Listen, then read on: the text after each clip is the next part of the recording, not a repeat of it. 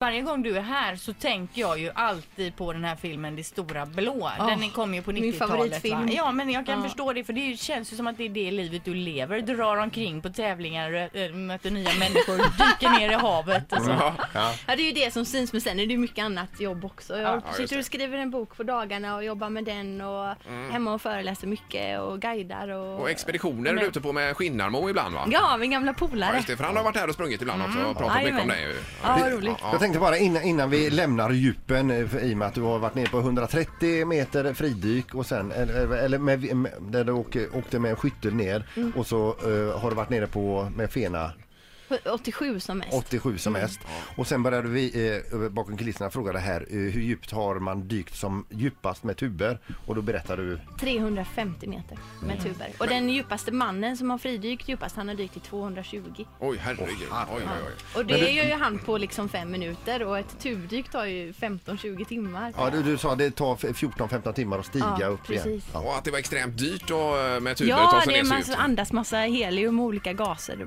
blandningar, det är ju jättedyrt. Så, ja, t- vad sa du, 200 meter kostade 10 000 euro? Ja, eller vad något var sånt där. komma ner? Helt Ja, det är- galet, Oj, oj, oj. Och det Nej, då- hänger tuber längs vägen ner och så. Det verkar ju vara ett väldigt projekt. Det verkar Ja, lite ja, herregud. smidigare som Det- du gör bara kastar Ja, ja. dig och simmar ner.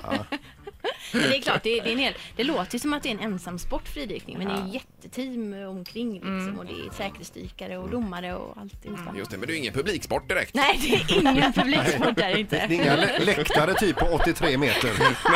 Nej. Ja, nu Nej. kommer hon! Nu kommer hon här. Ja. Eh, jo, men och sen även högt då, Anneli. Jajamän. För att eh, du är den enda svenska kvinnan som har varit uppe på eh, Everest via nordsidan. Är det väl, va? precis. Och vad är skillnaden då mellan nordsidan och sydsidan? Eh, vad gäller Nordsidan ligger i Everest? Tibet och den är lite eh, brantare kan man säga, lite kallare och man befinner sig längre tid på hög höjd. Okej, Eh, Sydsidan går man upp från Nepal istället.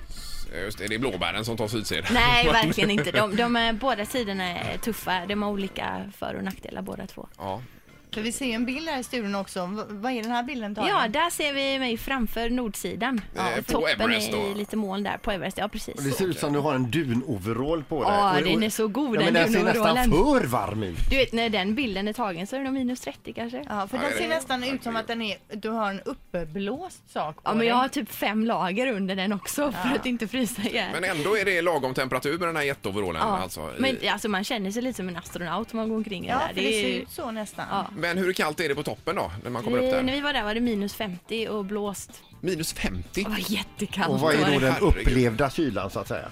Alltså det är svårt och... eh, Det var så fruktansvärt kallt och allt rör sig långsamt. Du Vet, alla material blir så här Ja. frasiga och konstiga. Och... Men, Men- det är har, en man helt någon, annan värld där uppe. har man någon del, alltså munnen eller någonting ute i? i- Nej, jag var ju tvungen att använda syrgas annars så lö- skulle jag förlorat mina fingrar. Nu fick jag Jaha. frostskadade fingrar ändå. Jag, jag hade ju tre lager vantar på mig där uppe. Tog av ett lager vantar för att fota liksom och Mm. få med allt det där. Eh, och då, f- då frostskadade jag fingrarna. Aj, aj, aj. Genom Så det lider du av fortfarande där? Ja, eller? kalla fingrar för resten av livet. Men du, Aj, vad aj, gjorde aj. du mer på toppen än att bara ta kort? Alltså jag ville ju bara sitta och stirra när jag kom dit. Jag hade ingen lust att ta kort alls. Nej. Nej. Det var liksom, det var, utsikten är ju helt magisk. Men du skulle haft en sån här selfiepinne där. som vi pratade om tidigare idag. Ja, jag bra hade Linda. ingen selfie-pinne. Nej, det, Nej, nej. Det, där hade det ju varit perfekt Ja, det var med en bra. selfie. Det Och så ut kan jag på ha med mig. Instagram Ja, direkt. visst, det. Ja, ja. Precis. Ett poddtips från Podplay. I fallen jag aldrig glömmer djupdyker Hasse Aro i arbetet bakom några av Sveriges mest uppseendeväckande brottsutredningar. Går vi in med hemlig telefonavlyssning och, och då upplever vi att vi får en total förändring av hans beteende. Vad är det som händer nu? Vem är det som läcker? Och så säger han att jag är kriminell, jag har varit kriminell i hela mitt liv men att mörda ett barn, där går min gräns. Nya säsongen av Fallen jag aldrig glömmer på Podplay.